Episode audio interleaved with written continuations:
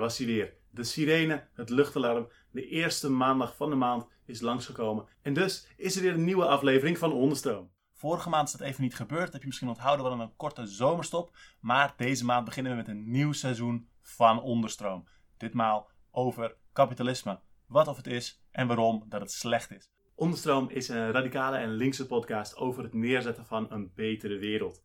In onze afleveringen doen we één van twee dingen. Of we zetten een basisconcept vanuit linkse radicale politiek neer op een zo toegankelijk mogelijke manier. Of we behandelen een idee over praktisch politiek organiseren om onze bewegingen sterker te maken. Ik ben Alex en ik wens je heel veel plezier met de aflevering.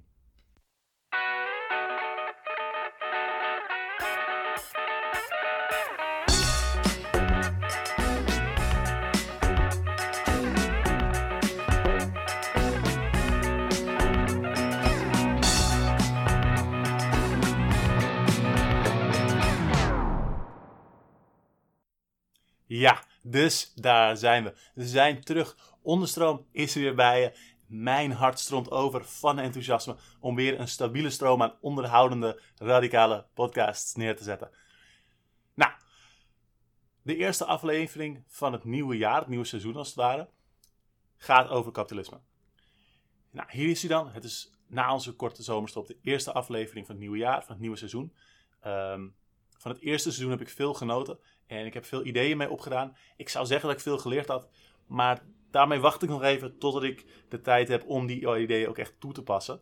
En dat hoop ik wel te gaan doen, want uh, ik geniet erg van de podcast maken en van de steun die ik krijg van activisten en luisteraars om me heen. En in het bijzonder de luisteraars die activisten zijn geworden. Dat hoor ik best wel vaak langskomen en dus er is weinig waar ik zo, uh, zoveel energie van krijg. En ik hoop dus iets meer ruimte te kunnen geven aan deze podcast die mijn tijd met zoveel andere taken moet delen. We beginnen dit seizoen met een Wat is aflevering over kapitalisme. Daarvoor sprak ik met een nieuwe gast, Elmo, en hij had allemaal heel scherpe inzichten. Ik zie hem echt als een soort mixed martial artist. Maar hij is dodelijk genuanceerd over de complexiteit van het onderwerp. En dat ging zover dat we een paar keer een soort 1-2'tje zijn gaan spelen. Waarbij ik een basisdefinitie geef en hij het geheel verder compliceert. Nou, ik hoop dat je het leuk gaat vinden. Daar gaan we. Uh, Elmo. Hallo. Welkom. Hoi. Welkom. Kun je iets over jezelf vertellen voor de mensen die je niet kennen? Ja, ik ben Elmo. Ik uh, hou van lezen en ben jong leren aan het leren. Nog niet heel goed, maar uh, het komt wel. Nice. Uh, mixed martial arts, zei ik al. Je, je hebt iets met uh, politieke economie en je hebt van in, ja. verschillende kringen daar shit over geleerd. Ja, en omdat ik uh, niet fervent aanhanger ben van één stroming of één lijn. Maar ik vind het gewoon handig om alle tradities uit te putten voor, voor ideeën. Marx is daar natuurlijk wel belangrijk in. Dus ik lees wel veel Marxisten en Marx zelf. Dus daarom is het misschien ook mixed.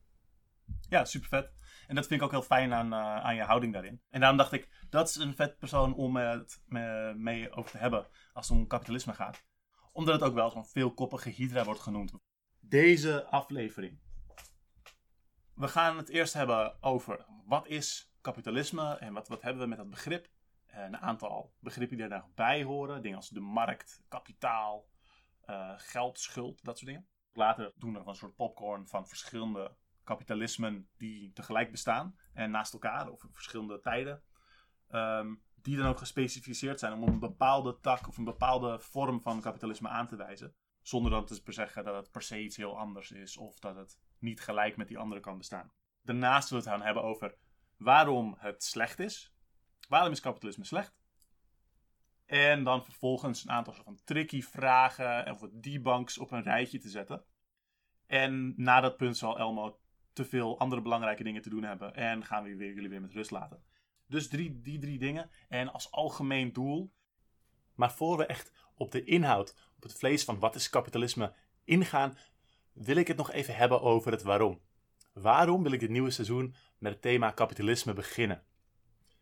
Nou, ten eerste is het zo'n centraal concept dat het misschien gewoon goed is als er ergens een toegankelijk overzicht van staat. Uh, dat je gewoon op de fiets of tijdens de afwas kan checken. Maar het is ook zo prominent omdat het aan talloze sociale problemen raakt en verwikkeld zit met allerlei andere onderdrukkende dynamieken. Kapitalisme is nog niet heel oud, uh, afhankelijk van hoe je rekent, een paar honderd jaar.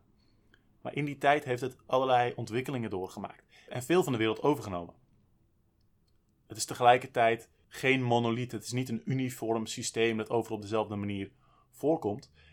Uh, en het is juist iets dat ook verschillen maakt en overdrijft. En waarbij die verschillen ook gebruikt worden uh, om de machtigste groepen nog rijker te maken uh, en sterker. Elmo, je noemt kapitalisme een productiesysteem. een productiesysteem is een systeem waarbinnen productie samen plaatsvindt. Oftewel de manier waarop productie georganiseerd is. Daar valt ook distributie, et cetera, onder.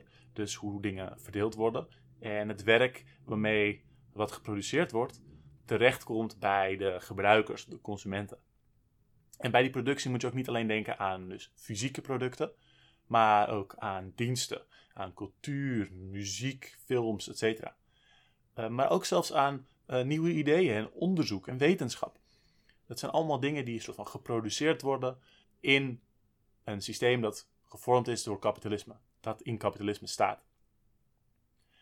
Kapitalisme is daarmee ook dus ook niet zuiver een economisch systeem, want het zijn processen die grote stukken van ons leven vormgeven en beïnvloeden. We leven in een wereld waarin allerlei nare dingen door elkaar gebeuren en de oorzaken daarvan zijn deels verschillend en deels overlappend. Als we naar de samenleving kijken, is het verleidelijk om te zeggen: Nou, als het om economie gaat, dan noemen we de leidende structuur erachter kapitalisme. Dus dan is het probleem, als het economisch is, kapitalisme. En als het om gender gaat, dan noemen we de onderlukkende structuur erachter uh, patriarchaat, cis-heteronormativiteit. En dus als er daar een probleem mee is, dan is, het, dan is dat de oorzaak. Uh, en als het om racisme gaat, hebben we het over uh, witte suprematie, et cetera. Um, zelfde, zelfde ding. En dat is een fijne manier om na te denken, want het houdt de dingen netjes gescheiden als onderwerpen. Maar de wereld is meestal een soort, soort warrige bende, waarin dat soort verschillen nogal in elkaar overlopen. Uh, ten eerste, als je kijkt naar een specifiek onrecht waar je iets mee zou willen, dan spelen er nooit alleen economische of alleen gender of alleen etniciteitsissues. Alles wat over mensen gaat, heeft tegelijkertijd een politieke kant en een economische kant en een genderkant, etc. En die zijn niet altijd even prominent, uh, spelen die een rol. Je kunt keuzes maken over wat je wil aanspreken. Maar, maar die verschillende kanten zijn er wel. En die systemen die we beschrijven, die vloeien ook in elkaar over. Gender gaat in het algemeen ook over economie. Want rolpatronen over wat je doet beïnvloeden dus hoe je, je, hoe je economisch handelt. Waar je werkt, wat je consumeert, wat voor rol je hebt, van wie je afhankelijk bent thuis of op je werk. Daarnaast geven dingen die je op, een, op één vlak een voor- of nadeel geven, die geven dat vaak ook op andere vlakken. Mensen die aan de top staan economisch, die beïnvloeden allerlei processen en handelen daarmee vanuit assumpties, waardoor bijvoorbeeld ook hun racisme steeds racistischer structuren helpt neerzetten. Kapitalisme grijpt bijzonder agressief om zich heen. Het blijft uitbreiden.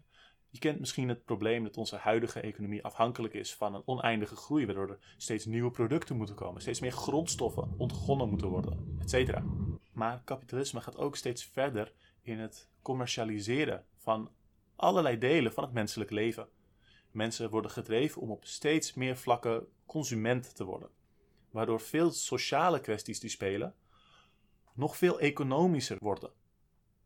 Waar iemand vroeger uh, de muziek luisterde die in hun bij hun lokale regio hoorde, luisteren ze nu muziek die bij hun past als consument, die gericht aan hen wordt aangeboden vanuit de cultuurindustrie, ongeacht waar ze wonen. Grof gezegd. Daarom wordt kapitalisme door onder andere de Zapatistas wel een hydra genoemd. Een soort slangachtig monster met meerdere koppen die om zich heen blijft happen en meer, steeds meer koppen begint te krijgen. Wat voor definitie van kapitalisme vind jij maar, in algemeenheid waardevol? Ik denk dat het handig is om het kapitalisme te zien als een bepaalde manier van productie organiseren. Dus er worden dingen gemaakt in de wereld. Er zijn allemaal productieprocessen aan de gang. Um, waarvan echt materiële goederen worden gemaakt, maar ook diensten en gevoelens worden in mensen opgewekt. Dus dit zijn allemaal dingen die worden gemaakt. En hoe dat wordt georganiseerd op een sociaal, systematisch niveau, dat kan je dan aanduiden op een bepaalde manier.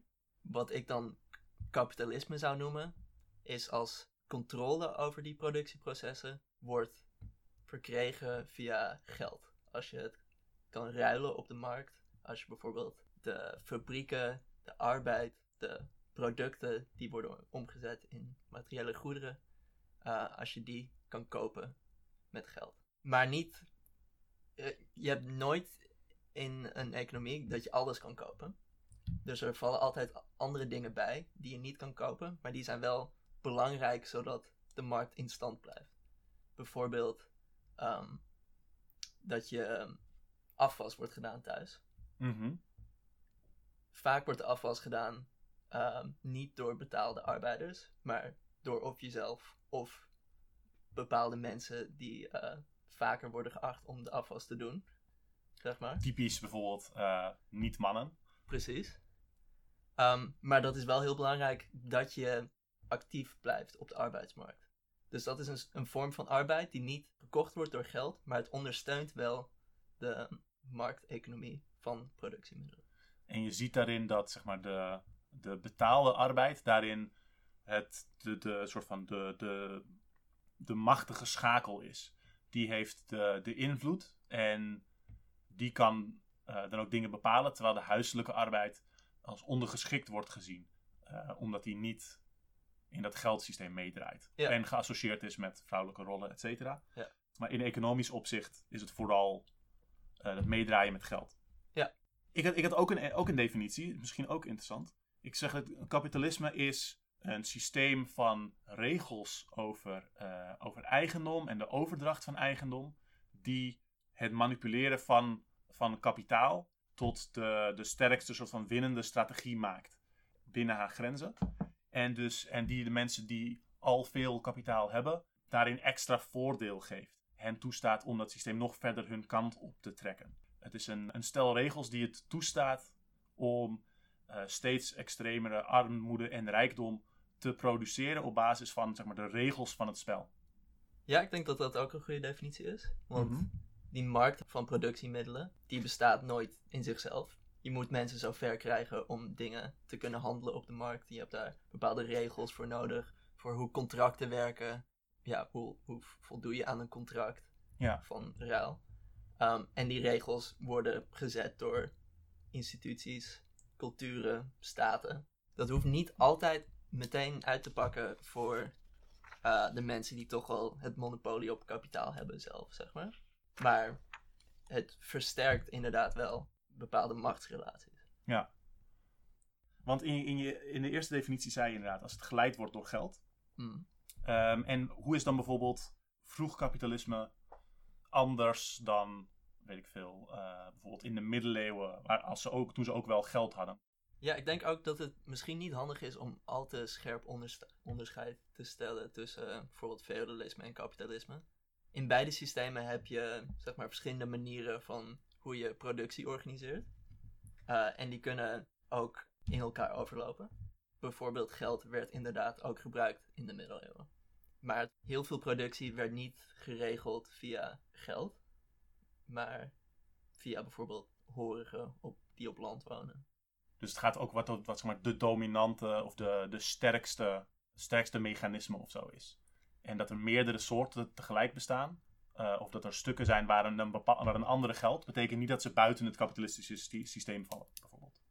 Ja.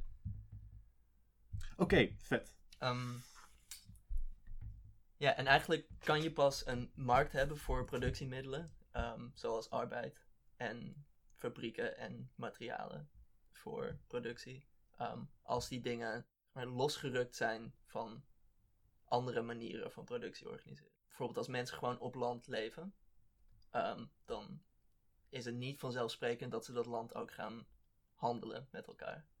Maar voordat je land zelf als handelswaar gaat zien, moet het dus uit zo'n uh, cultuur gerukt worden voordat je het. Het moet zeg maar vermarkt worden. Het moet ja. tot, een, tot een stuk gemaakt worden dat je kan verkopen en kunt bezitten. En er moet iemand de claim op het eigendom kracht bijzetten tegenover mensen die daar gewoon maar wonen. Ja. En het, hetzelfde met arbeid. Voordat je mensen zover krijgt om hun arbeid te verkopen voor geld, moet je ze ook afhankelijk maken van geld om te kunnen overleven. Dus als mensen allemaal uh, hun eigen tuintje hebben en niks anders nodig hebben, uh, dan gaan ze waarschijnlijk hun arbeid niet verkopen in een fabriek. Hmm. Dan heb je een andere structuur daaromheen nodig voordat dat aantrekkelijk maakt. Ja, ja. Als dit, bijvoorbeeld al die tuintjes worden afgepakt. Ja. Um, dat is dus grappig, want de deze aflevering kijkt dus in, uh, in onderstroomgeschiedenis naar achteren en naar voren. Dus uh, onze allereerste aflevering uh, was Wat is eigendom? En daarin leg ik een onderscheid uit tussen persoonlijk eigendom en privaat eigendom. Waarbij ook de, de ontwikkeling van eigendomsrecht niet stilstaat en constant doorgaat. En ook over het algemeen meer controle voor kapitalisten in de hand werkt. Tegelijkertijd kijken we in deze aflevering naar de toekomst. Want ik hoop nog een volgende aflevering met je op te nemen, Elmo. Uh, over accumulatieprocessen binnen kapitalisme.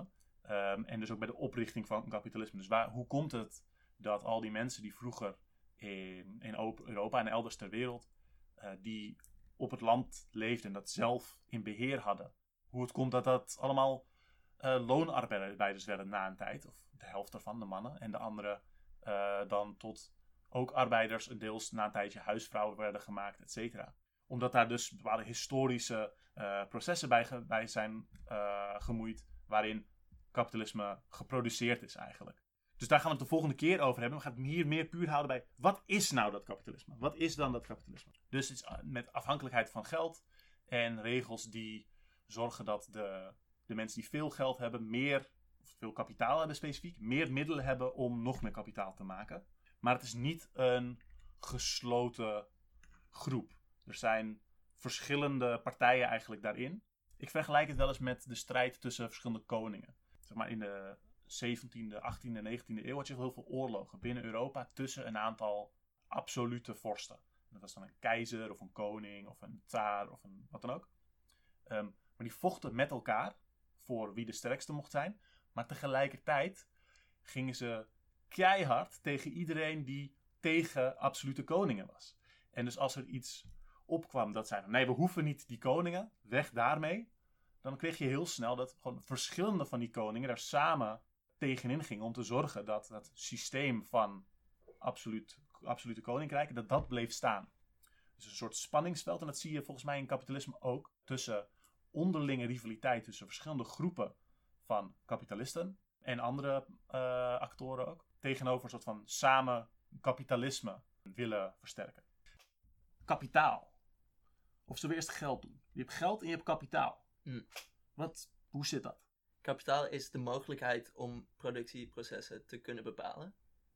Dus in een kapitalistisch systeem is geld hebben uh, kapitaal. Um, maar ook de fabriek in jouw bezit is ook kapitaal. Het is dus de mogelijkheid om de arbeid van andere mensen te kunnen aansturen. Dus het is ook, het is, um, wanneer je dingen bezit die uit zichzelf bijna, of die je kunt gebruiken om meer bezit te vergaren, dan is het al kapitaal eigenlijk. Dus bijvoorbeeld een, een, een, uh, een blok huurhuizen dat jou geld oplevert, dat is ook kapitaal. En uh, inderdaad een fabriekshal of een zaal die gehuurd kan worden door gebruikers voor van alles. Of inderdaad een hele grote smak geld die geïnvesteerd kan worden en rondgeschoven kan worden om meer geld aan te verdienen. Dus een soort, soort, soort continuum, zeg maar, vanaf iets is gewoon geld, dat zit in je zak en het uh, wordt minder door inflatie. En aan de andere kant heb je het kapitaal. En geld dan, wat is geld? Ja, nou, geld is meerdere dingen. Het kan een ruilmiddel zijn. Het kan ook een manier zijn om waarde te behouden. Mm -hmm. uh, als je niet van plan bent om iets te kopen met je geld, dan is het nog wel het idee dat het iets van die waarde vasthoudt. Dus geld is eigenlijk heel veel verschillende dingen, ook in verschillende contexten. Maar wat er best wel bazaal is aan geld, is dat het eigenlijk een schuld uitdrukt. Het, een schuld? Geld is eigenlijk een belofte dat je iets van die waarde, van jouw bankbiljet, uh, daarvan kan krijgen. Dus dat eigenlijk de samenleving een schuld heeft uh, tegen jou. Ja, ja precies. Dus ik heb, ik, heb, ik, heb, uh, ik heb een briefje van 20 gekregen. Dus iedereen die ik dit aanbied, die zijn mij verschuldigd eigenlijk om, om iets van die waarde terug te geven. Ja. Eigenlijk. Dus in die zin drukt het een schuld uit. Er moet arbeid of waarde tegenover staan. En als je dan denkt over het kapitalisme, in het kapitalisme moet je je arbeid eigenlijk verkopen om te kunnen leven. Ehm, heb je dus geld nodig? Word je eigenlijk dus geacht dat je arbeid bent verschuldigd aan de samenleving? Ja, want je moet je moeite omzetten in, in dus schuld, Ja. geld, in, een, in een, een weergave van hoeveel schuld er aan jouw kant in de plus staat, zeg maar. Ja. Ah, oké. Dus in kapitalisme heb je een soort van aangeboren schuld dat je moet afwerken met je arbeid in je leven. Anders blijf je niet in leven. Dat wordt bijvoorbeeld door staten bekrachtigd, eh, door middel van belastingen, maar ook gewoon door het feit dat je eten moet kopen. Eh, anders ga je dood. En dat alles het bezit van iemand is. Dus je kunt niet zomaar iets oppakken uit het bos en dat eten. Dat is, in Nederland heet dat stroperij en dat is verboden. In Ne- in Nederland is daar heel bijzonder streng in ook. Ja. Omdat je, je moet dat dus allemaal via de, de financiële, financiële markt doen. Ja. Ehm, ja, heel interessant. En in die context, dus dat, dus dat, dat kapitaal, is dan heel interessant. Als je heel veel geld hebt en waarmee je meer geld kunt verdienen, eh, dan sta je dus daar eigenlijk buiten. Dan hoef je niet eh, jouw eigen tijd in geld om te zetten. Dan kan, kunnen jouw bezittingen, die kunnen al meer geld binnenharken. Meer schuld van andere mensen opstapelen, die je kunt verzilveren voor de spullen die je wil hebben. Ja, als je heel veel geld hebt, betekent dat eigenlijk dat heel veel mensen zijn jouw arbeid verschuldigd. Ja. Omdat we in een systeem leven waar geld een soort van basale schuld betekent die je moet afwerken in je leven. Dus dan hebben we geld, Dus geld is eigenlijk een machtsmiddel om arbeid van andere mensen te innen. Om de schuld te innen van andere mensen. Ehm, En dus kapitaal is dan geld of andere waren die op zichzelf al meer geld kunnen verdienen. Wat is dan een kapitalist? Maar het klassieke verhaal is, je hebt klassen en dat, dat gaat om je relatie tot, tot zeg maar de, de productiemiddelen en je, je dagelijkse voedsel. En dan heb je dus de mensen die moeten werken, of die in een huishouden zitten met iemand die moet werken. En, en je hebt aan de andere kant mensen die de productiemiddelen dan bezitten. Of gewoon het, het, het, grote geld dat overal rondgepompt wordt om daar meer geld uit te verdienen. Ehm, en dat zijn dan kapitalisten. En dat zijn twee aparte groepen met andere belangen. Maar er zitten wel dingen tussen. Bijvoorbeeld dus mensen wiens loondienst het is om eh, kapitaal te vermeerderen. Die zelf niet per se hun eigen geld daarin steken. Maar misschien deels ook wel. Dus ook half ertussen staan. En dus bijvoorbeeld veel- vaak tegenwoordig zijn de directeuren van grote bedrijven niet per se de bezitters meer. Maar worden die vanuit een groep aandeelhouders en beleggers, als ik dat zo goed begrijp, aangestuurd of benoemd en soms uit een functie ontheven of op een bepaalde manier gestraft of beloond om dat kapitaal zoveel mogelijk te vermeerderen.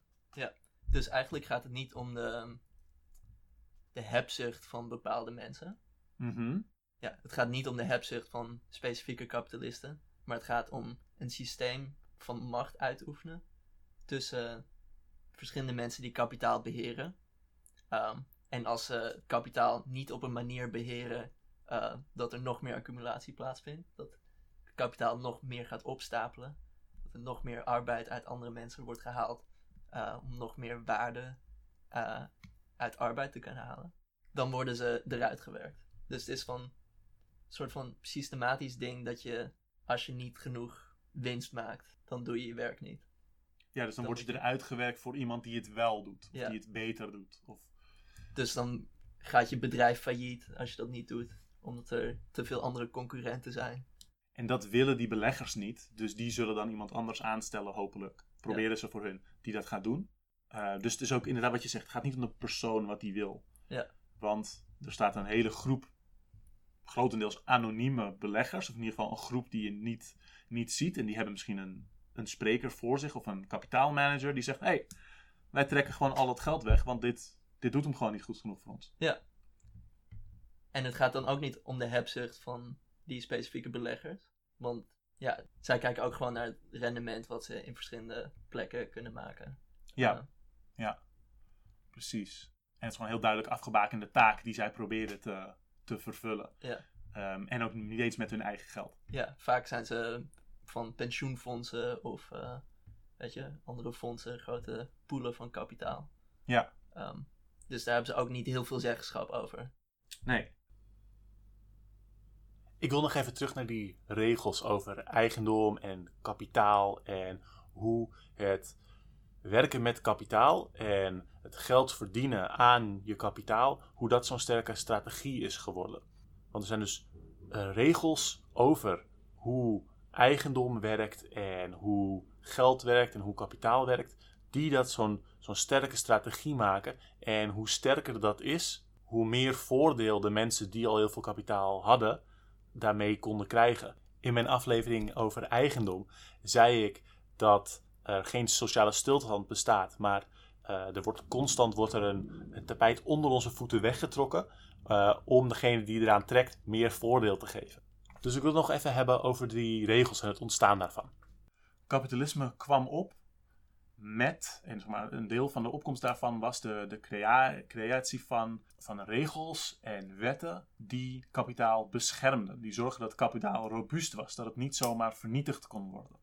Dat het wettelijk ja, stand hield en dat er soort van manieren waren om het risico te spreiden tussen verschillende dragers. En dat uh, je erop kon beroepen. En dat als je je ergens in investeerde als bezitter, dat je dan uh, best wel wat recht vanuit de staat had om uh, je erop te verhalen als er iets misging. En dat dat echt een drijfveer was van kapitaalmanipulatie, zeg maar de, de winnende strategie maken. En dat, dat is ook heel erg maar, in, de, in de opkomst van, van kapitalisme heel belangrijk geweest. Dus bepaalde stukken financieel beleid heel erg uh, kapitalisme hielpen opkomen. En bijvoorbeeld in de Nederlandse geschiedenis van kapitalisme, dat specifiek heel belangrijk. Bijvoorbeeld als het gaat om de vorm van de corporatie, waarbij verschillende bezitters samen investeerden, zodat als er bijvoorbeeld een schip van de VOC kapot ging, dat er niet één uh, rijke stinkert helemaal failliet was, maar dat er 30, 100 mensen een beetje een tegenslag hadden, maar dat ze nog wel samen door konden. Uh, en dat soort, soort van uh, risicospreiding, maar ook heel veel andere van dat soort functies, die hebben kapitalisme als soort van financieel systeem waarin kapitaal veel sterker en levensvatbaarder gemaakt. En dat gaat ook nog steeds door wanneer je het dus bijvoorbeeld hebt over wetten waarin bedrijven gemiste winst kunnen verhalen op landen die zeggen: Nou, we willen geen uh, goudmijn meer in de buurt die al het grond, alle grond vergiftigt vanwege het arsenicum dat nodig is om het te, te zuiveren, bijvoorbeeld. Want het ontstaan van de VOC hangt heel erg samen met het ontstaan van staatsschuld om um, risico te spreiden. Om zo'n koloniale oorlog aan te gaan. Um, maakten de Nederlanders dus zo'n corporatiestructuur waarbij mensen geld leenden aan zo'n corporatie, de VOC. Dus dan creëerden ze eigenlijk een nieuwe schuld. De corporatie zou geld moeten terugbetalen aan de investeerders. En op die manier konden ze dan de middelen samenbrengen om zo'n enorme koloniale oorlog uit te voeren. Dus daar heb je ook dat schuldcreatie een manier is om macht uit te oefenen. Ja. En om, om zo arbeid in een bepaald project te krijgen. Ja. Ja, en daarom dus dat, dat ik graag over kapitalisme nadenk als zeg maar regels die een bepaalde strategie de winnende strategie maken. Zeg maar, het spel ja. Monopoly is een soort parodie op kapitalisme. Um, die heel erg laat zien van de regels. Die zijn zo opgesteld dat één iemand heel rijk gaat worden en al die andere mensen de sjaak zijn. Ja. En iedereen begint gelijk. Maar door de schommelingen in gewoon ja, van dag tot dag hoe je rijkdom verandert. Uh, en de regels die zorgen dat de verschillen overdreven gaan worden na een tijd. Uh, krijg je dus altijd dezelfde uitkomst. Namelijk één superrijke persoon en de rest is bankroet. Dat is monopolie. En kapitalisme is eigenlijk in zekere zin vergelijkbaar. In dat het met de tijd dat soort regels steeds sterker heeft gemaakt. Uh, waardoor dus zodra je echt kapitaalkrachtig bent, kun je heel veel dingen doen om je kracht te vergroten, om risico's uh, ongedaan te krijgen, om uh, verliezen terug te krijgen, et cetera, et cetera. Wat een, een, iemand in loondienst zou van, nog niet van hoeft te dromen. Ja, dus met het voorbeeld van de VOC bijvoorbeeld, konden door die regels en door zo'n nieuw uh, financieel middel wat eigenlijk werd gecreëerd, de aandelen, konden kapitalisten in Nederland geld samenbrengen om rivalen uit bijvoorbeeld het Portugese Rijk weg te werken door middel van zo'n oorlogscorporatie. Ja, fascinerend. Fascinerend. Ehm, verschrikkelijke geschiedenis. Dus ehm, hoe zou je dan klassen in de huidige context beschrijven? Heel klassiek heb je inderdaad dat ding wat ik zeg. Je hebt, je een soort van een eh, werkende of soort van, van werkafhankelijke proletarische klasse. En dat wordt ook vaak het beeld van loondienst. Maar dat hoeft niet per se. Het kan ook zijn dat je een ZZP'er bent of dat je een plantage bent. Je bent afhankelijk van degene die de fabrieken, de grond, de, de productiemiddelen bezitten. Of dus bijvoorbeeld het tech-platform waarmee jij je taxi-ritjes krijgt. Al die dingen. En aan de andere kant heb je dus de mensen die die dingen bezitten. En dan in de puurste vorm zijn er dan ook dus de lui die niet zelf daarnaast hoeven te werken, maar die zoveel geld bezitten dat het voor hun een soort, ja, dat ze eigenlijk permanent op vakantie zijn, omdat ze gewoon een kapitaalbeheerder deels kunnen betalen en die fixt dat gewoon. Ehm, en heb je mogelijk een soort tussenfase tussen mensen die een beetje half en half doen, of uh, wiens werk deels betaald wordt in aandelen bijvoorbeeld. En dat is niet per se wat we nu de middenklasse zouden noemen. Want men, het idee van de middenklasse is eigenlijk mensen die in de werkende klasse zitten, maar gewoon wat rijker zijn. En dan heb je dus ook dat verschil tussen hoeveel geld heb je versus wat is je klassepositie. En dat, uh, zoals ik dus dat meekrijg, klassepositie is dus je, je relatie tot, tot werk en inkomen. En dus ben je afhankelijk van, van werk uh, voor een inkomen of kan je bezit al voor jou geld verdienen. Dat zou ik zeggen de klassieke vorm. Ja, ik denk dat dat ook een belangrijk onderdeel is van de definitie van klasse. Maar dat het ook handig is om te kijken naar klassen in de zin van klassenformatie. Hoe worden klassen eigenlijk gecreëerd? Wat voor overleg vindt er plaats tussen bijvoorbeeld de beleggers en de CEO om ervoor te zorgen dat zij gedeelde belangen zien in elkaar? Ja, dus de klasse ook als een soort dus jij zou een klasse zien als een beetje een, beetje samenhangende politieke eenheid op basis van economisch gedeelde belangen. Ja, en die gedeelde belangen die bestaan niet op zichzelf, maar die worden zelf ook gecreëerd in een soort politiek proces, waarbij verschillende groepen in de samenleving uh, met elkaar afstemmen wat eigenlijk nou hun belangen zijn. Bijvoorbeeld in Nederland, um, in de afgelopen decennia, dat huiseigenaren zijn enorm bevoordeeld door de politiek. De markt, de huizenmarkt is zo ingericht, de regels zijn zo samengesteld, dat uh, eigenaars van huizen ehm, de waarde van hun huis de hele tijd zien stijgen. Dus daar heb je dus een bepaald soort klassenformatie via de regels van de staat. De regels die zijn gezet over de huizenmarkt. Wat een bepaalde belangengroep heeft gecreëerd. Ja. Van mensen die het in hun belang zien om de huiswaarde de hele tijd te zien stijgen. En die dan ook de markt daartoe uh, kunnen inrichten. Bijvoorbeeld door te weinig extra sociale huur te bouwen. Dus het is. Um, um, en zij zijn op een bepaalde manier hebben zij zich kunnen vormen als een, als een groep die dingen gedaan kan krijgen bij de staat. Ja. Um, en daardoor uh, grote winst te behalen en uh, een heel belangrijke speler ook in zeg maar, de financiële wereld te worden, ja. et cetera. Um, dus je zou zeggen, wat je ik zei, een, een politieke de definitie van klasse is van je, je telt eigenlijk pas als een klasse als je je als een klasse samen kunt gedragen. Waar uh, veel mensen dus zouden zeggen, nou kijk, iedereen die werkt, die is van dezelfde klasse, want die hebben eigenlijk dezelfde belangen richting hun werkgevers, huisbazen, et cetera. Maar volgens jouw definitie zijn zij helemaal niet een klasse, totdat ze duidelijk iets van een gedeelde stem kunnen neerzetten of elkaar kunnen vinden en zien van wat, wat willen wij nou samen bereiken. Ja, en ze kunnen wel een klasse gemaakt worden. En het idee is ook dat uh, misschien in een revolutionaire situatie of zo, dat mensen dan wel opeens gedeelde belangen gaan zien. Maar dat is in potentie of zo. Ja. Klasse die nog niet echt bestaat. Ja, ja, ja. Want je hebt ook ja, dus binnen de arbeidersklasse allemaal dit soort verschillen. Bijvoorbeeld tussen uh, mensen die een huis bezitten en wie niet. Ja. Um, en voordat je echt een klasse kan worden, uh, moet dat zo gemaakt worden. Ja. En daarom is het misschien ook belangrijk, makkelijker bijvoorbeeld om uh, schoonmaakwerkers aan boord te krijgen voor een soort uh, klasse solidaire, actie dan bijvoorbeeld medewerkers in het bankenwezen. Ja. Om maar iets te noemen.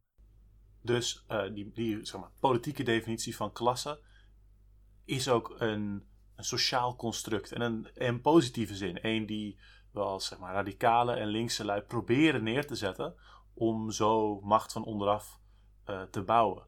Dat bewustzijn, als je communiceert van dit is hoe we er naar kijken, dat maakt uh, ook een aantal stappen richting die eenheid. Je benadrukt de gedeelde economische positie en het gedeelde belang en probeert mensen aan dezelfde kant te krijgen, zodat ze die als politieke klasse die invloed kunnen gaan uiten. Dus het is een, een sociaal construct waarbij je een bepaalde visie neerzet om hem waar te maken. Oké, nou, we hebben dus al heel moeilijk gedaan over allemaal dingen. Er zijn een heleboel vormen van kapitalisme die net veranderen. En sommige zijn een soort van lokaal waren die een ding, of nog steeds. Sommige zijn een bepaalde tijd zitten die, of in een bepaalde uh, sector. Sommige dingen zijn ontwikkelingen in kapitalisme die een eigen naam krijgen omdat ze een bepaald verschijnsel beschrijven binnen kapitalisme. Terwijl er ook heel veel andere verschijnselen tegelijkertijd bestaan. En dat is omdat we in een heel complexe wereld leven. Dus, Elmo, misschien vind jij het leuk. Je hebt hier een lijstje. Dat we af en toe uh, eentje noemen en daar heel kort iets over zeggen. Van dit soort kapitalisme. Wat dat kenmerkt, is dit ding. Als jij de eerste wil doen. Industrieel kapitalisme. Dus het idee dat je grote fabrieken hebt die aan massaproductie doen. Iets wat we in, dus in West-Europa nu veel minder hebben dan vroeger. Uh, en in bijvoorbeeld China veel meer dan vroeger. Ja, maar eigenlijk stiekem zit het ook nog best wel heel erg in West-Europa. We hebben nog wel grote fabrieken. Duitsland is een grote industriële ja. macht. Uh, Nederland produceert ook nog veel machines en dat soort dingen. Wapens, van alles. Ja. Wapens. Oké, okay, en die volgende. Staatskapitalisme, wat ook door verschillende mensen op verschillende manieren wordt gebruikt. Eigenlijk is elk kapitalisme natuurlijk een staatskapitalisme. Dus je bent altijd afhankelijk van de staat om uh, bepaalde functies uit te voeren. Uh, van zeg maar uh, geweldsdreiging, bescherming van eigendom, ja. oplegging van de autoriteit van de kapitalisten, onteigening van gemeenschappelijk land, et cetera, et cetera. En die basale schuld um, waaruit mensen loonarbeid gaan doen, dat wordt opgelegd. Maar dan is er ook nog specifiek staatskapitalisme, waarbij je dat beheer van kapitaal niet meer in handen hebt van mensen die worden beschouwd als in de private sector te zitten. Kapitalisten, bankeigenaren. Maar het beheer van kapitaal wordt door de staat zelf geregeld. Ja, ja. Dus alles is staatsbedrijven, uh, nationale ondernemingen. Ja. Uh, platformkapitalisme um, is dus dat, dat beeld dat, uh, dat je dus een, een, een, vaak een online platform hebt of een, een, een informatievoorziening die klanten en producenten verbindt. En waarvan dat platform, het kapitalistische platform, daar met het meeste geld er vandoor gaat. Dus bijvoorbeeld iets als Uber of Airbnb of iets als inderdaad Foodora, et cetera. Je hebt een platform van aanbieders en van een dienst en consumenten van de dienst. En dat platform, dat is zeg maar de kapitalistische onderneming die al het geld wegneemt door controle over die informatiestroom. Uh, je zou bijvoorbeeld bepaalde stukken van, uh, ik wil Google, daar ook naar, naar kunnen kijken. Maar die valt ook weer onder een andere. Financieel kapitalisten, kapitalisme, waarbij de financiële sector een enorme rol heeft in uh, het sturen van kapitaal. En dat is eigenlijk de laatste 40 jaar wel zo. Dat elk groot bedrijf is eigenlijk tegelijk een financieel bedrijf wat leningen uitschrijft en zo. En dat gaat super ver. Zoals de Universiteit van Amsterdam is eigenlijk een financiële instelling. Ja. Uh, ja, heel typisch. Monopoliekapitalisme. Dat bepaalde bedrijven heel veel voor het zeggen hebben in bepaalde markten. Ja, gewoon dat, dat, dat een bepaalde, bepaalde groep bedrijven echt zeg maar de, de dominante lobby is of zo. Ja. Ja. Plantagekapitalisme, dat is dus ook rondom, rondom uh, eerdere koloniale tijd dat er heel grote plantages werden neergezet om uh, gewassen te verbouwen die direct voor geld verkocht konden worden. Zogenaamde cash crops zoals katoen, suiker, um, chocola in sommige gevallen, koffie, cocaïne, coca-bladeren, dat soort dingen. Dus, dus een plantage, vaak met slavenarbeid, dus niet per se loondienst. En dat als soort van kapitalistische onderneming, als zeg maar dominant of belangrijke rol in een, in een deel van een kapitalistisch systeem? Dan heb je oorlogskapitalisme, wat eigenlijk ook elk kapitalisme wel is. Maar dat is dus dat militaire industrie uh, een grote rol heeft uh, in de markt. Altijd wel. Ja, dus, dus zeg maar, je hebt dat een military industrial complex. Dat mensen ontwaren dat er een heel duidelijke verbinding is tussen dus de, de overheid en de, het beleidsmaken aan de ene kant en de grote bedrijven die leveren aan het leger. En hoe het leger dan gebruikt wordt om te zorgen dat die vraag blijft stromen en dat er regels worden gemaakt om dat leger groter te blijven maken, zodat die bedrijven weer meer spullen voor het leger kunnen maken. Ja. Maar je hebt het ook op een. Uh, je kan oorlogskapitalisme ook op een manier hebben dat het niet door monopoliebedrijven wordt gerund, maar door allemaal kleine bedrijfjes die daar nog steeds afhankelijk van het leger zijn. Maar dan zou je het niet meer echt een complex kunnen noemen, dat zij het beleid zetten, maar meer dat de staat zo'n markt creëert van allemaal kleine bedrijfjes die afhankelijk van de staat is. Dus dan gebruik je echt die oorlog meer als een soort manier om vraag te creëren eigenlijk. Ja. ja. En uh, uh, om een soort van decentraal de, de markt een boost te geven. Ja. Oké, okay. zo, zo cynisch. Zo fucking cynisch. Um, wil je die settler nog doen? Ja, settler colonialism is ook een uh, bepaalde vorm van kapitalisme. Waarin grote stukken land worden toegeëigend door koloniale mogendheden. En dat ze controle over dat land eigenlijk wegnemen van inheemse bevolking. En dan daarop kleine boeren settelen. Die dan hun eigen kleine boerderijtjes of grote plantages daarop bouwen. Uh, en zo geïntegreerd worden in een soort wereldmarkt. Dus dit is klassieke voorbeeld hiervan is de Verenigde Staten. Dus dat zeg maar de, de ontginning van een soort van nieuw, nieuw land tussen haakjes. Omdat er gewoon de mensen die daarop waren gewoon zo weggejast worden of ja, precies. vermoord. Uh, dat, dat dat als een belangrijk deel van de groei die nodig is in het kapitalistische systeem wordt neergezet. Uh, en dus is dat, is, dat, is dat een vorm van kapitalisme, omdat het dan gedreven wordt door die vorm van groei. Ja. Um, en dan de, een, een, een, laatste nog voor de lol: surveillance capitalism. Dus surveillance kapitalisme. En dat gaat heel erg om, dus, om big tech. Dat is een, een vrij recente ontwikkeling. Dus dat, dat idee dat het uh, verzamelen van iedereen's uh, informatie over hun online gedrag of over hun live gedrag via hun smartphones en de locatiediensten daarbinnen en, hun consumeergedrag, uh, et cetera, dat dat een belangrijke drijfveer is in economische ontwikkeling. bijvoorbeeld doordat dat gebruikt kan worden um, om reclames te sturen of om consumptie te sturen. En dat die informatie zelf ook heen en weer verkocht kan worden Um, en dat het uh, als deel van een soort van uh, nationale veiligheidsstrategie gebruikt wordt. Dus dat het, dat het ook weer richting, richting zo'n soort van veiligheidsindustrieel-achtig complex bijna. Ja, surveillance kapitalisme. Dus, het zijn niet al, dus als we deze voorbeelden noemen, heel veel zijn dus gecombineerd en dus ook combineerbaar. Um, Um, vrijwel al deze zijn op dit moment tegelijkertijd een beetje aan de slag. Misschien die monopoliekapitalisme niet meer, misschien wel. En daarom is het ook dus belangrijk om te weten dat je de term kapitalisme dus op verschillende manieren kunt gebruiken en kunt specificeren, omdat er zoveel gebeurt. Maar dus ook dat uh, de strijd tegen deze verschillende vormen van kapitalisme ook op een bepaalde manier kan samenhangen. Dat mensen die tegen oorlogskapitalisme vechten, uh, door die term kapitalisme erop te plakken, heb je al meer van een idee van hoe dat dan samenhangt met bijvoorbeeld plantagekapitalisme of platformkapitalisme. Ja. Dan ga je meer kijken naar hoe wordt arbeid nou gestuurd door middel van geld en schuld. Ja. Ja. En je, je blijft ook inderdaad dan een vinger wijzen ook naar de, de mensen die gewoon thuis zitten en helemaal niet een geweer vast hebben, maar wel hun geld ergens insteken. Ja, ja. Oké. Dus we hebben het gehad over wat is nou kapitalisme? Dat veelhoofdige, veelvormige beest waar we het over eh, hebben als we de term kapitalisme gebruiken. En dat heeft dus heel veel kanten en heel veel vormen. Maar het is wel van alle kanten bekeken gewoon best wel slecht. Het is gewoon best wel een naar ding. Dat ze erom heel erg tegen zijn. En dan zijn we niet alleen tegen de dingen die zich kapitalisme noemen, maar gewoon ook de dingen die hetzelfde probleem hebben. iets dat niet kapitalistisch is, is daarom niet goed per se. Wat is er zo slecht aan kapitalisme? Het is eigenlijk bijna een retorische vraag.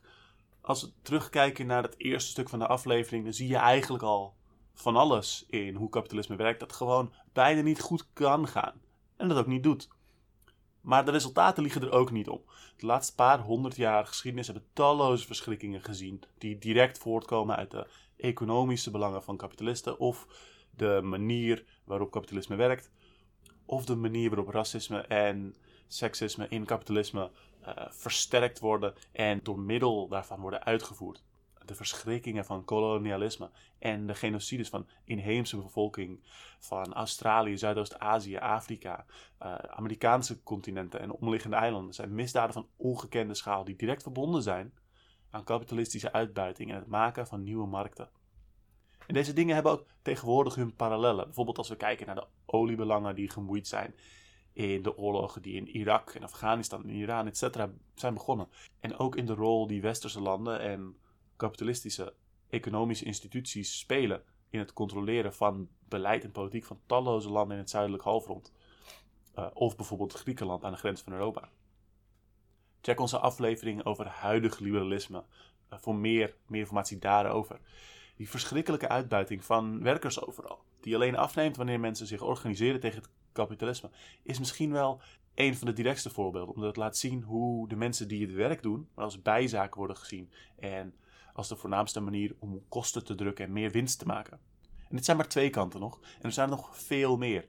We zien dat voedselproductie op veel, in veel opzichten ontzettend veel effectiever is geworden. Maar dat het systeem waarin we leven dit simpelweg niet op een redelijke wijze bij hongerige mensen brengt. We zien snel oprukkende en nu al verschrikkelijke verschrikkelijk destructieve klimaatverandering. Die nu al miljoenen klimaatvluchtelingen maakt. Doordat mensen niet meer kunnen overleven waar ze vroeger woonden. Terwijl de bedrijven die hier grotendeels voor verantwoordelijk zijn, al decennia lang leugens verspreiden. Om maar te zorgen dat ze niet hoeven op te houden. We zien epidemieën van allerlei slag. Naast dat de veeteeltsector massaal besmettelijke ziektes aan het produceren is, zonder dat hier iets consequents aan wordt gedaan, worden mensen, vooral dan in het Westen, bij mijn weten, massaal depressief en overspannen met burn-outs en meer. En je ziet hierin ook de onmacht van dit systeem om bij te sturen en problemen op te lossen, om zichzelf houdbaar te houden. Maar het feit is, zeker de laatste tijd, dat kapitalisme niet eens de mechanismen lijkt te hebben om zichzelf een beetje stabiel te houden. Kapitalisme is als systeem niet eens handig genoeg om niet te schijten waar het eet. Maar wat zijn dan dus die, die problemen aan kapitalisme die hiertoe leiden? Wat is er mis met het soort systeem dat het dit niet kan? Ja, ik denk dat er heel veel redenen voor zijn. Ten eerste is, ja, ten eerste is het kapitalisme dus een bepaalde manier van macht uitoefenen. En het oefent macht uit over productie op een manier dat mensen er eigenlijk geen controle over lijken te hebben lijken allemaal marktdingen over ons te hangen waar wij aan moeten voldoen. Dus het, het, het dwingt ons om te werken ten dienste van dingen die niet voor ons zijn.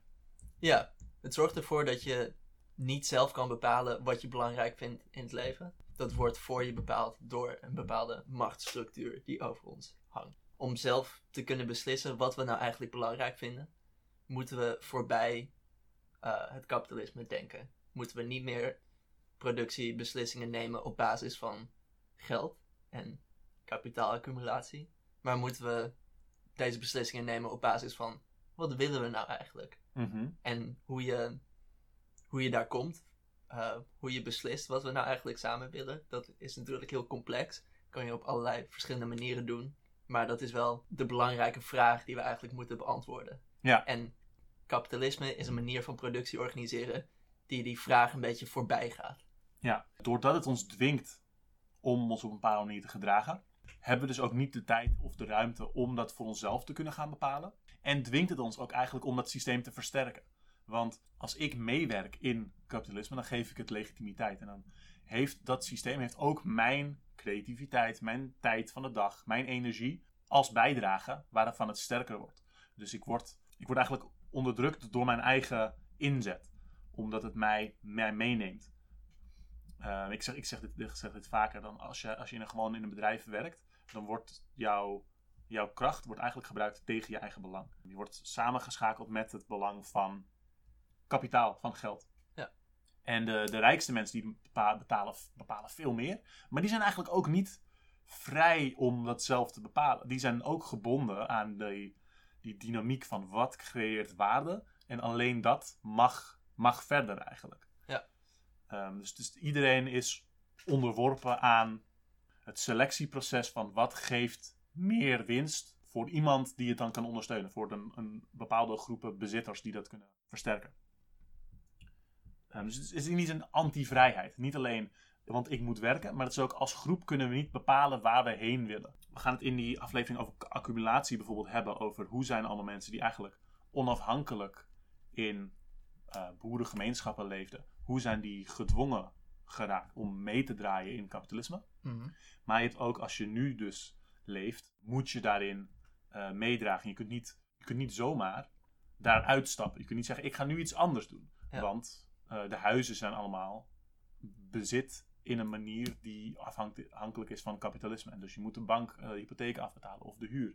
En zo niet, dan word je eruit gezet. Ja. En je bent dus in, in al je levensonderhoud afhankelijk van gehoorzamen en eh, jouw tijd in dingen steken die voor kapitalisme waarde hebben. Ja. In plaats van voor wat je zelf zou willen. Maar het kapitalisme doet dat altijd op een racistische, seksistische manier. Het, bijvoorbeeld om mensen hier te hebben die in high-tech werken. ehm, en mensen in eh, mijnen van Congo die de coltan mijnen voor die high-tech. Heb je dus een differentiatie nodig tussen arbeiders hier en arbeiders daar zodat daar mensen aan het werk kunnen worden gezet door dit systeem. En dat doet het dan op basis van een racistische grens proberen te onderhouden tussen high-tech arbeiders in Europa en geracialiseerde zwarte mensen in die mijnen in Congo. Ja. Dat die mensen niet deze kant op kunnen komen zonder dat ze aan heel veel geweld worden blootgesteld.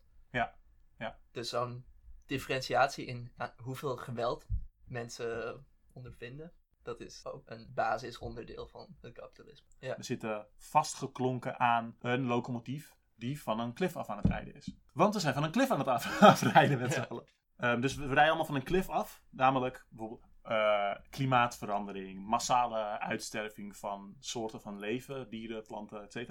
En daar kunnen we al heel lang eigenlijk kunnen we daar niks aan doen. Of heel, maar, heel veel belangrijke mensen willen dat ook niet. Maar zelfs als ze het wel willen, bijvoorbeeld een hele rits aandeelhouders bij Shell of zo, dan kan dat dan toch vaak niet, omdat dus andere aandeelhouders of analytici van in binnen het bedrijf zeggen: Nou, dit gaat ons te veel winst opleveren, dan verliezen we onze positie, dan kunnen we het bedrijf wel opdoeken. Oh nee. En die gehoorzamen dan aan de nood die ze hebben als mensen die in kapitalisme actief zijn, om dus de, de winstmarge van het bedrijf te beschermen, Eh, omdat ze anders eh, hun lijf en onderhoud zouden verliezen en Ja. hun positie. Eh, dus ook zeg maar, voor de, de slimste mensen die het meeste overzicht kunnen hebben en bedenken van hoe zou het goed kunnen zijn, die worden eigenlijk gedwongen om te gehoorzamen aan een, een, een selectieproces die zegt nee, dit mag wel gebeuren en dit mag niet gebeuren op basis van wat geld verdient. Ja. Dat is dus heel slecht, want we hebben dus allemaal problemen die we niet kunnen oplossen nu met dingen die wel geld verdienen.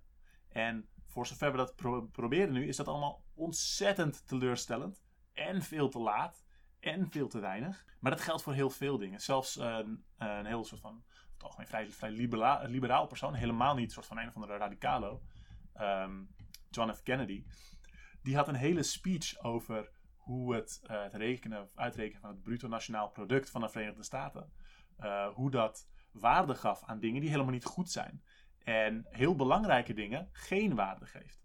Eh, dus dat is een hele, hele speech. Dus dat is best wel mooi op zich voor, voor, voor wie het zegt. Helemaal niet, zou die, de Kennedy helemaal niet per se eh, tot een soort held willen maken. Maar hij had een hele speech over dit bruto nationaal product. Dat rekent niet de vreugde van onze kinderen die spelen. En het rekent niet hoe, eh, hoe levendig de bossen binnen onze grenzen zijn. En het, en het rekent niet eh, hoe veilig onze, wij ons voelen. En het rekent niet hoe, hoe sociaal en gelukkig onze bejaarden nog zijn. Maar het rekent wel, het rekent wel eh, hoeveel kogels er afgeschoten worden. En het rekent, wel hoeveel mensen er gebombardeerd worden. En het rekent wel het, hoeveel bossen er eh, worden afgebrand om een golfbaan van te maken. Al dit soort dingen. Dat, is, dat geldt niet alleen voor het bruto nationaal product. Dat geldt voor al dit soort financiële eh, winst, eh, eh, winstdriften. Want je zou dan wel kunnen denken van, oh, dan maken we gewoon een andere index die dat wel meet. maar dan zit je er ook een beetje naast. Want natuurlijk is het niet de index van het bruto nationaal pro- product wat de productiebeslissingen uiteindelijk bepaalt. Maar zo'n soort samenhangend geheel van, van macht eigenlijk ehm, over productie. Ja. Dus, Het bruto nationaal product is een manier om bepaalde abstracties daarvan te meten, maar het is niet het probleem. ja, precies. Dus je hebt al verteld inderdaad, het moet grenzen maken. Of in ieder geval, het, het maakt grenzen. En, en waar ze er zijn, gebruikt het die. Omdat het, het mobiele ding, dat zomaar ingezet kan worden, namelijk kapitaal. Dat, dat kan in, het, in die verschillen, kan het een manipulatie neerzetten die tot meer winst leidt. Ja. Dus iets is goedkoop in het ene land, duur in het andere land. Dan laten we het in het ene land maken, in het andere land verkopen. Daar komt winst uit. Ehm, in huidig liberalisme, een aantal afleveringen terug, hebben we het ook gehad over de, de aandelenmarkt en dat zeg maar hoe snel je kunt verhandelen, dat dat op zichzelf al heel veel geld kan opleveren. Gewoon omdat zeg maar, alle schommelingen in de markt, daar kun je direct op reageren met kapitaal om er meer winst uit te slaan. En dan voeg je helemaal niks toe, maar je verdient er wel geld aan omdat je al die financiële infrastructuur hebt en die draagkracht. Ehm, en maar, dat, zeg maar als het met zulke kleine dingen al gaat als schommelingen in de aandelenmarkt, kan je je voorstellen hoe het is met verschillende lonen in verschillende landen. Of de, eh, de status van mensen met een bepaalde afkomst tegenover de status van mensen met een andere afkomst. Maar die uitbuiting in kapitalisme, die gaat steeds verder.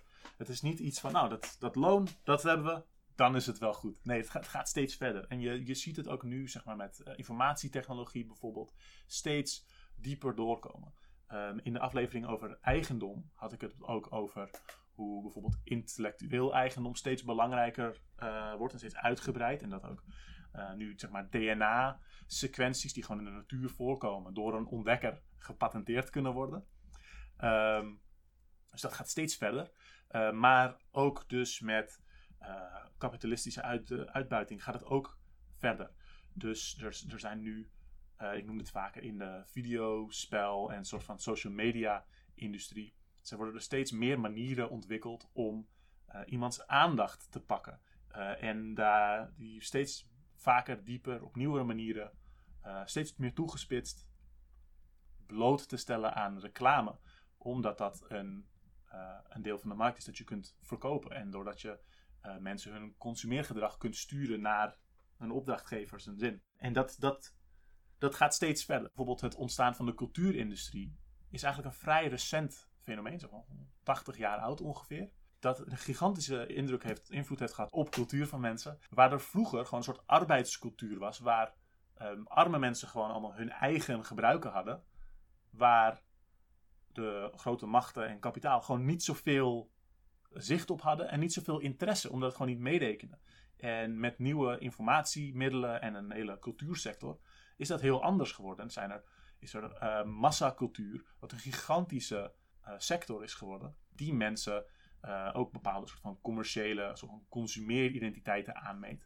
Wat gewoon nieuw is. En dat gaat, dat gaat dus steeds verder. De kapitalisme, hoe langer het doorgaat, ontwikkelt het steeds meer manieren, allerlei dingen in ons leven in te vullen in diens voordeel. Vrij slecht. Ja, dat steeds meer dingen worden uitgedrukt als onderdeel van die schuld. Als onderdeel van geld. Als iets wat Ja. verhandelbaar is. Maar daarmee voel je het ook veel, steeds dieper de leefwereld inkomen. Om deze sectie over waarom kapitalisme slecht is af te sluiten, ehm, wil ik nog erbij zeggen dat we het eigenlijk vooral hebben gehad over de structurele eigenschappen van kapitalisme. De dingen die voortkomen uit de, de regels en de dynamieken van kapitalisme zelf. Dat heb ik expres gedaan omdat het goed is om die kant ervan te laten zien. Maar onder het kapitalisme wordt er ook enorm creatief en agressief kwaad gedaan. Vaak ook buiten die regels om. En dat wordt vaak mogelijk gemaakt en gehouden omdat regels richting kapitalisten en bedrijven veel minder en heel anders worden nageleefd dan richting werkers en andere niet-kapitalisten. Onder kapitalisme is het heel gebruikelijk dat grote bedrijven zonder problemen de wetten breken die hen zouden moeten beteugelen. Naast dat de, de handhaving daarvan voor een bedrijf veel minder heftig is. Ze kunnen veel meer boetes opslokken, et cetera, et cetera. Bijvoorbeeld de grootste post voor diefstal, bijna overal, is altijd loondiefstal. Dus dat is bazen die loon stelen dat werkers volgens hun contracten zouden moeten krijgen. En dat is vaak evenveel uh, geld dat daarin omgaat, dus dat er gestolen wordt, als alle andere soorten diefstal bij elkaar. Maar hier wordt vrijwel nooit iemand voor aangehouden, heel weinig op gecontroleerd, uh, wordt vrij weinig op gestraft, vergeleken met al die andere soorten diefstal. Zoals ook heel veel witte boordencriminaliteit compleet ondervertegenwoordigd is vergeleken met hoeveel geld erin omgaat. Ook grijpen staten heel vaak in om de belangen van bedrijven te steunen, ook wanneer het eigenlijk niet volgens de regels is. De aflevering van Behind the Bastards van Robert Evans over de oprichting van de CIA geeft hier talloze voorbeelden van, waar bedrijven de Amerikaanse overheid vragen om in andere landen te, in te grijpen in hun voordeel. In de aflevering over kapitaalaccumulatie, die ik nog met Elmo wil maken, komen we hierop ook terug. Uh, omdat ook juist in de geschiedenis, in de formatie van kapitaal, uh, bedrijven heel vaak gewoon echt, echt losgingen. Vooral in koloniale gebieden. Schurkachtig losgingen. Op manieren die ook eigenlijk niet acceptabel zouden zijn. Volgens de wet of in Europa. Om later de regels naar hun hand te zetten. Wanneer het hen uitkomt, wanneer de situatie formaliseert. En dat vind ik een belangrijke kanttekening om dus hier te noemen. Omdat het dus niet alleen de regels van kapitalisme zijn die voor narigheid zorgen. Maar ook de selectieve toepassing en handhaving daarvan. En de geregelde overtreding van die regels. Die voor kapitalisten wel acceptabel is, maar voor anderen niet. En wanneer we het dus ook uh, hebben over dat de, de gierigheid of de hebzucht van specifieke kapitalisten niet het ding is dat deze soort van systematische problemen met kapitalisme verklaart, betekent niet dat er niet heftige hebzucht is. En mensen die, omdat ze een heel na karakter hebben, allemaal verschrikkelijke dingen doen in kapitalisme. En dat dat in het systeem eigenlijk dan prima wordt gevonden. Oké, dus dat over waarom kapitalisme slecht is. Oké. Ook in het nieuwe seizoen gaan we er zo tussen de aflevering af en toe tussenuit om een bevriend of sympathiek project een shout-out te geven. Ditmaal is het een oproep voor creatieve inzendingen van verhalen over een utopische postkapitalistische samenleving die je zelf bedenkt. De oproep komt vanuit de groep Vrijbond Omland. Uh, dat is een groep die actief is in een aantal uh, noordoostelijke provincies van Nederland. En ik lees hier een, een verkorte versie van hun eigen oproep voor. Gaan we. Beste mensen, Vrijbond Omland start met trots per september een nieuw project genaamd Onze Utopie. In moeilijke tijden vol kapitalistische onderdrukking, klimaatverandering en andere grote onzekerheden is het lastig om al wereldverbeterend overeind te blijven. Onze toekomst op deze planeet ziet er niet bepaald utopisch uit. De dystopie waarin we al leven, of die we zien aankomen, kun je zodanig opbreken dat het een muur vormt tussen jou en je idealen. Misschien is het dan goed om daar soms minder naar te kijken en juist op die idealen in te zoomen. Stel, we hebben, wat het gaat lukken, het kapitalisme omvergeworpen en de rookwolken trekken langzaam op. Wat dan? Wat zou je zelf graag zien in de wereld? Hoe ziet die toekomst eruit? Wat vind je echt belangrijk en waarom? We nodigen je van harte uit om ons je meest utopische, postkapitalistische idee toe te sturen. Daarmee willen wij een inspirerend boekje maken met een optimistische kijk op het nieuwe leven na het einde van het kapitalisme. We zoeken dus vooral verhalende inzendingen. We willen iets neerzetten dat lezers blij gaat maken met persoonlijke ideeën over een ideale wereld. Je kunt je utopie uitwerken zoals je zelf wil. De vorm is vrij als het maar in een boekje kan worden afgedrukt. Dus stuur ons je verhaal, je gedicht of recept, je fabel, je liedtekst, je hoorspel, je mop, je tekening, je filmscenario, je sprookje, je strip, je puzzel of iets anders. En verras ons. Het hoeft niet specifiek over Nederland, Europa of zelfs de planeet Aarde te gaan. Het kan elke fantasiewereld of organisatievorm zijn die je wil opbouwen. Vlak na een revolutie of in een verre toekomst. Hier het praktische kaderwerk. 10.000 woorden is de max. Tekeningen en dergelijke ontvangen we graag digitaal of dan dus gescand. Ehm, taal is in het Nederlands of in het Engels geschreven. En graag zonder naam of met een pseudoniem die wij niet kennen. De deadline is eind januari, maar er is nog geen harde deadline of datum. Uh, houden je mailadres gedurende het project indien het nodig is om met je in contact te kunnen komen. Maar na het project wisselen we dat mailadres weer. Uh, en ook je andere gegevens. Na het project wisselen we je gegevens. Bij vragen kun je altijd contact met ons opnemen via ons mailadres. En ieder die zich aangesproken voelt om iets te maken, kan dit vanaf nu inzenden naar onze middenstreepje utopie at riseup.net. We hopen dat jullie ons en jezelf de komende donkere maanden verlichten met je utopische kijk op de start van een nieuwe postkapitalistische samenleving.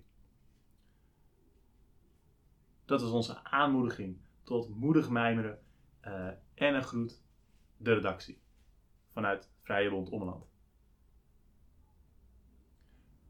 Dus dat is de oproep. Ik ben zelf inmiddels heel enthousiast geworden. Dus misschien dat ik het hier of op mijn Instagram-account af en toe nog meer over deel. Uh, nu terug naar de aflevering.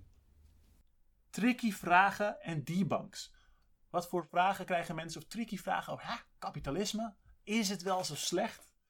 Um, er zijn een aantal die ik vast zo wou meegeven van wat is daar nou een heel duidelijk antwoord over? Van waarom is, waarom is het inderdaad slecht? Waarom is het inderdaad kapitalisme? Jij praat wel vaak met mensen over kapitalisme volgens mij. Ja. Kom je wel eens mensen tegen die zeggen, nou, nou zo erg is het dan niet. Ja. Wat, wat zijn de dingen die ze wel zeggen? Nou, dan zeggen ze bijvoorbeeld, is het niet heel goed om het risico van ondernemers te belonen? Um, en is kapitalisme niet een systeem wat daarop is gebaseerd? Dat Mhm. Ondernemers die nemen natuurlijk heel groot risico, die gaan de markt op met een nieuw product. Mhm. Um, en als dat aanslaat, als er echt vraag is naar dat product, dan wordt dat risico wat die ondernemers hebben genomen beloond. Dus het idee is, zeg maar, zij pakken vanuit iets dat zij, ze hebben geld bij elkaar gesprokkeld op een of andere manier. En zij hadden een visie, en dat is belangrijk. Ze hadden een, een echt idee dat iets toevoegt. En nou, als ze dat zo de wereld inhelpen, dan hebben ze echt iets gecreëerd eigenlijk. En dat moet beloond worden. En dat is belangrijk en daarom is het belangrijk dat zij de winst uit een onderneming krijgen. Terwijl de mensen die gewoon in loondienst werken alleen maar hun loon krijgen. Dat is de claim, toch? Dat is de claim. Dat is natuurlijk niet echt hoe het kapitalisme werkt. Het beloont niet. Het beloont als ondernemers het risico van zich afzetten. Hoe minder een ondernemer zelf in het spel heeft, hoe meer risico hij kan nemen eigenlijk. Ja, dus als we bijvoorbeeld helemaal aan het begin terugdenken. Ja. eh, dat stukje over de VOC bijvoorbeeld. Dan zie je dat er heel veel regels worden gemaakt juist om dat risico zoveel, zoveel mogelijk te verkleinen. Ja. En de, de mensen die veel meer risico nemen zijn dan de mensen die op de boot gaan zitten. Of, eh, of Ja. de mensen die worden er neergemaaid door de in binnenvallende soldaten. Maar dus de, de financiële initiator, die heeft het eigenlijk best wel veilig. Die kan vaak best wel eh, eh, investeringen eh, veiligstellen op een bepaalde manier. Of die dragen, de, die dragen het risico samen in een constructie die zorgt dat het zo veilig mogelijk is. Ja. En dat terwijl ze eigenlijk niet veel anders doen dan hun geld ergens parkeren. En omdat het daar dan staat, krijgen zij dan de, de winst. En elk soort risico wat niet kan worden uitgedrukt in geld of wat niet kan worden uitgedrukt in winst voor de ondernemer, wordt eigenlijk genegeerd. Waardoor je enorme risicovolle eh, investeringen krijgt. Bijvoorbeeld nieuwe kolencentrales. Natuurlijk heel gevaarlijk voor ons allemaal. Maar omdat dat niet wordt uitgedrukt als winst voor degene die het bouwt, wordt het daar niet meegenomen. Ja. Ja, en als ze dan zeggen, nou maar kijk, eh, dit zijn de investeerders. Hè? Maar wat stel je bent een uitvinder. Jij bent een uitvinder en jij hebt op een of andere manier via persoonlijke lijntjes of je bent naar een bank gegaan en hebt een of andere lening los weten te, te wrikken. En zo heb jij wat, wat geld samen kunnen zetten om jouw uitvinding te maken en die op de markt te zetten. En dat bleek toevallig een succes of, of je hebt een briljant idee waardoor het succesvol bleek. En al die andere mensen die geloofden niet in jou. En dus heb je dat allemaal op eigen kracht gedaan, dat jij zo goed wist wat er nodig was. Zeg maar in deze hypothetische situatie, hè? Dan heb je wel heel veel risico genomen. Dan heb je wel heel veel risico genomen. Nou, dat komt niet zo vaak voor. Maar ik heb deze wel eens gehoord. Ik weet niet of jij hem herkent. Maar ik heb deze wel eens gehoord. En ik, ik vond hem altijd grappig, want ik dacht, nou... eh, ten eerste is dit dus heel erg niet hoe het normaal werkt. Ten tweede is dan dus, zeg maar, de implicatie is dan, omdat je vooraf zoveel risico hebt genomen en onzekerheid hebt neergezet, dan moet je, dan moet je toch wel echt beloond worden. Deze persoon moet toch wel echt beloond worden. Dat kan, maar dat betekent niet dat de complete controle over hoe iemand anders hun dag besteedt, dat dat een goede beloning is. Dat je dan als, stel je bent als uitvinder dan de directeur geworden of een soort van hoofdaandeelhouder die alle winst krijgt. Jouw beloning en iemand anders hun onderdrukking, die zouden niet hetzelfde moeten zijn. Dus het is heel grappig dat je zegt van nou, maar het systeem die heeft zulke barrières om een nieuw idee aan de nodige grondstoffen te brengen, dat deze fictieve uitvinder eh, zich vet in de schulden moet steken bij zo'n oh, nare bank, hè, maar vet in de schulden gestoken. Dit geeft weer wederom aan dat de, de mensen met het meeste kapitaal, die hebben het het makkelijkste, die kunnen al die allemaal al winst die elders gemaakt worden meenemen door bedrijven op te kopen, et cetera. Maar voor de gewone persoon die met een heel vet idee komt, is het dus alsnog slecht. Is het dus alsnog moeilijk. Ik vind altijd raar dat mensen dit als een verdediging voor kapitalisme voorstellen.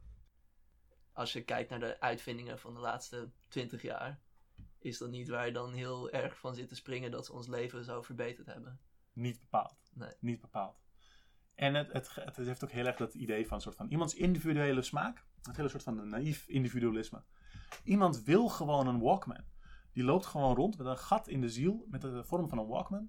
En iemand die vindt dat uit en dan is er een Walkman en dan zijn de mensen zo blij. En het bleken er gewoon toevallig honderdduizend te zijn die een, een, een gat in hun hart in de vorm van een Walkman hadden.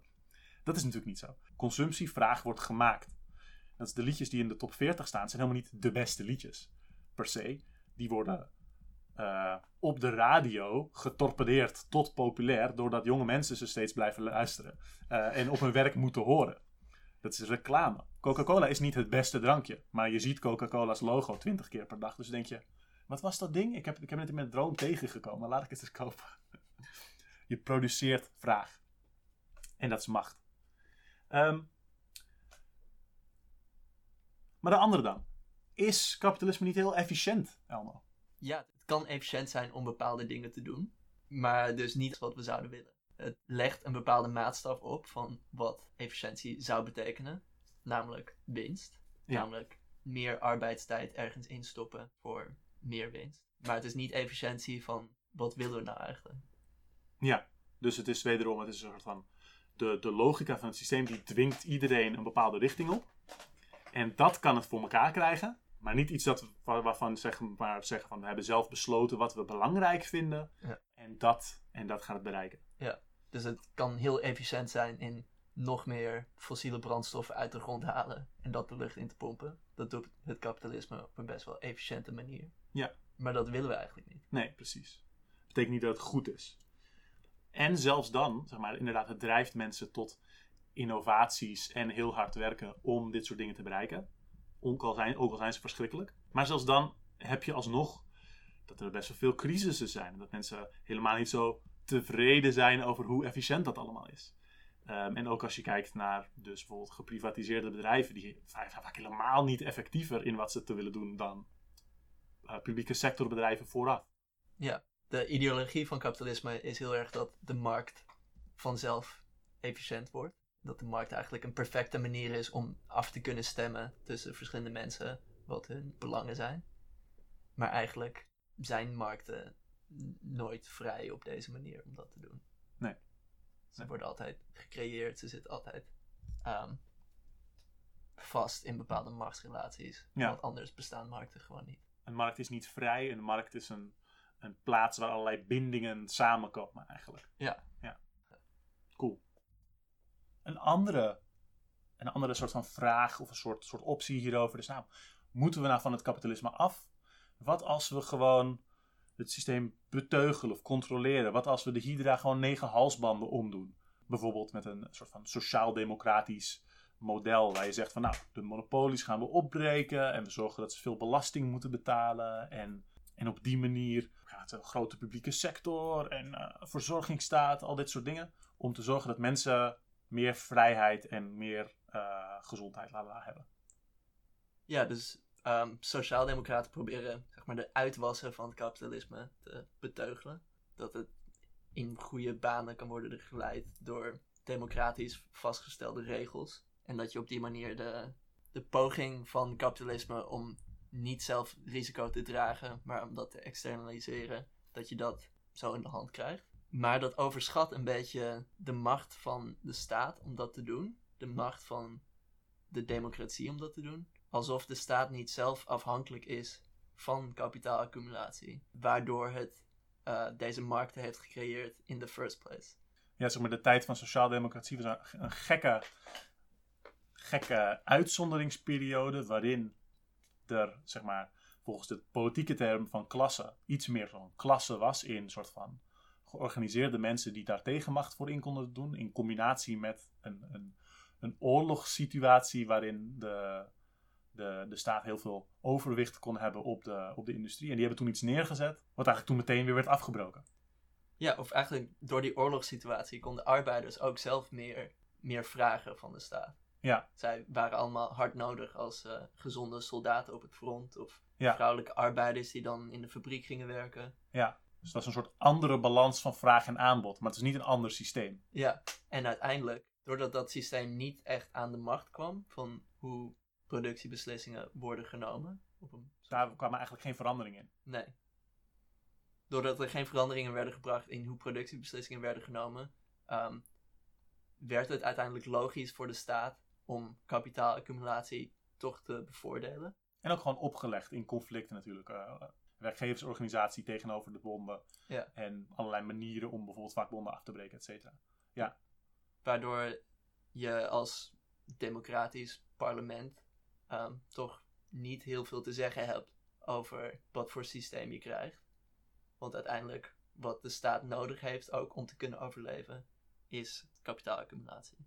Dus dan moet de staat ook uh, dat in goede banen leiden en alsnog arbeidsdiscipline doorvoeren. Dat in de jaren 80 de Nederlandse staat de werkloosheid uitkering um, ging verminderen, zodat mensen weer aan het werk moesten worden gezet. Ja, dus je blijft die, je blijft die dynamiek houden die de zeg maar, steeds rijkere blijft bevooroordelen. Wel verschillende subgroepen van hen en er zit, zit strijd tussen. En als je dat systeem niet verandert, dan, dan gaat dat ook na een aantal tegenslagen gewoon opnieuw zichzelf vestigen voor verder, voor verder voordeel. Ja. En bovendien dat gewelddadige aspect van kapitalisme werd daar ook niet door verminderd. De ja. sociaal-democratische welvaartsstaten die zaten nog wel heel erg geïntegreerd in het Amerikaanse oorlogscomplex ja. van die tijd. Ja. ja, precies. De verschillende landen in het zuiden van de wereld, in het zuidelijke halfrond, die een soort pro-westerse dictatuur hadden. Daar hadden de bewoners niet zo heel veel aan het Zweedse uh, verzorgingsmodel. Ja. Nee, precies. Tot slot nog een laatste. Wat je soms hoort is: is armoede niet aan het verdwijnen? Is kapitalisme armoede niet aan het oplossen? En dat heeft dan soms het narratief van, nou, de vestiging van industrieën in nieuwe gebieden door outsourcing en doordat bepaalde industrieën in Europa te duur zijn, worden dan verplaatst naar andere landen. Um, is dat niet een soort ontwikkelingsfase die uiteindelijk bij iedereen terechtkomt, waardoor armoede zal verdwijnen doordat elk gebied op de wereld een soort van economisch ontwikkeld gaat raken? Ten eerste, nee. Er ontstaat bijvoorbeeld ook in westerse landen uh, nieuwe armoede. En de cijfers over armoede die geven helemaal geen duidelijke aanwijzing dat armoede aan het verdwijnen is. Wanneer het geclaimd wordt, gaat het vooral uh, over mensen die onder de zogenaamde absolute armoedegrens zitten. volgens sommige metingen neemt het aantal mensen onder de armoedegrens af en volgens anderen niet. Ligt er net aan waar ze naar kijken. Uh, maar het cijfer heeft ook een aantal problemen. Die absolute armoedegrens is een cijfer, een hoeveelheid lokaal geld, omgerekend in dollars. Zodat je hetzelfde ding is voor iedereen kunt gebruiken. En die hoeveelheid aan dollars, als je dat aan inkomen ontvangt, dan tel je als niet arm. Maar die grens is ten eerste heel erg laag. Je kunt boven die grens zitten, die armoedegrens, en eigenlijk nog steeds arm zijn. Er zijn heel veel sociale wetenschappers en economen die zeggen: nee, die grens die moet eigenlijk omhoog. Als je die armoede, die absolute armoede, zou berekenen met een net iets hogere absolute armoedegrens, dan zou je wel heel duidelijke groei in armoede zien. Dus zeg maar, net helemaal aan de onderste bodem is het niet zo duidelijk. Sommige mensen zeggen neemt af, andere mensen zeggen er is geen verschil. Maar als je die armoedegrens net iets hoger legt, dan is er heel duidelijk toename in armoede de afgelopen tijd. Daarnaast is die armoedegrens uitgerekend op basis van een aantal van de meest arme landen die er zijn. Maar er zijn ook landen waar armoede is, die als geheel land wat rijker zijn. En als dat zo is, dan heb je eigenlijk meer geld nodig om rond te komen in zo'n land. Zoals je ook in Europa meer geld nodig hebt om rond te komen dan wanneer je in de Filipijnen bent, bijvoorbeeld. Ehm, dus zo absoluut is die absolute armoedegrens eigenlijk niet. Um, maar daar houdt zo'n zo'n meting van de absolute armoedegrens geen rekening mee.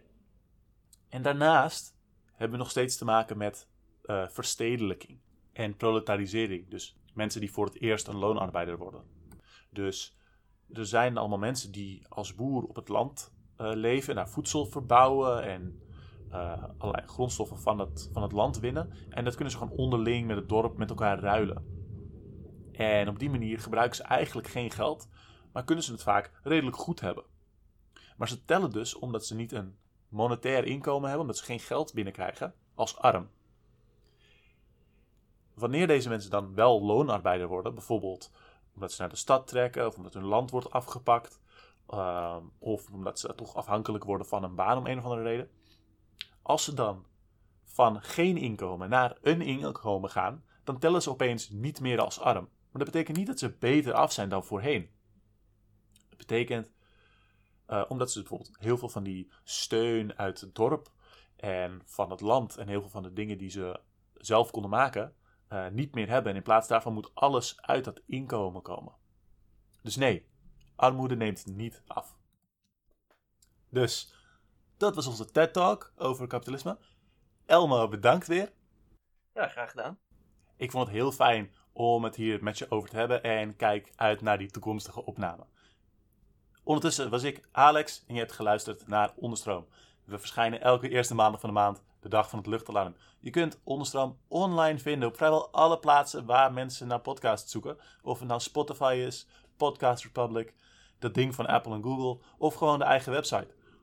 Volg ons ook op Instagram, als je durft. Alle hulp om bekender te worden is ook welkom, dus voel je vrij om de podcast te delen met iedereen die al iets tegen kapitalisme heeft, of juist nog niet. Iedereen die van podcasts houdt, iedereen die Nederlands aan het leren heeft, iedereen die graag wat aanspraak zou hebben tijdens het afwassen. List goes on. Heel fijne maand en tot de volgende aflevering.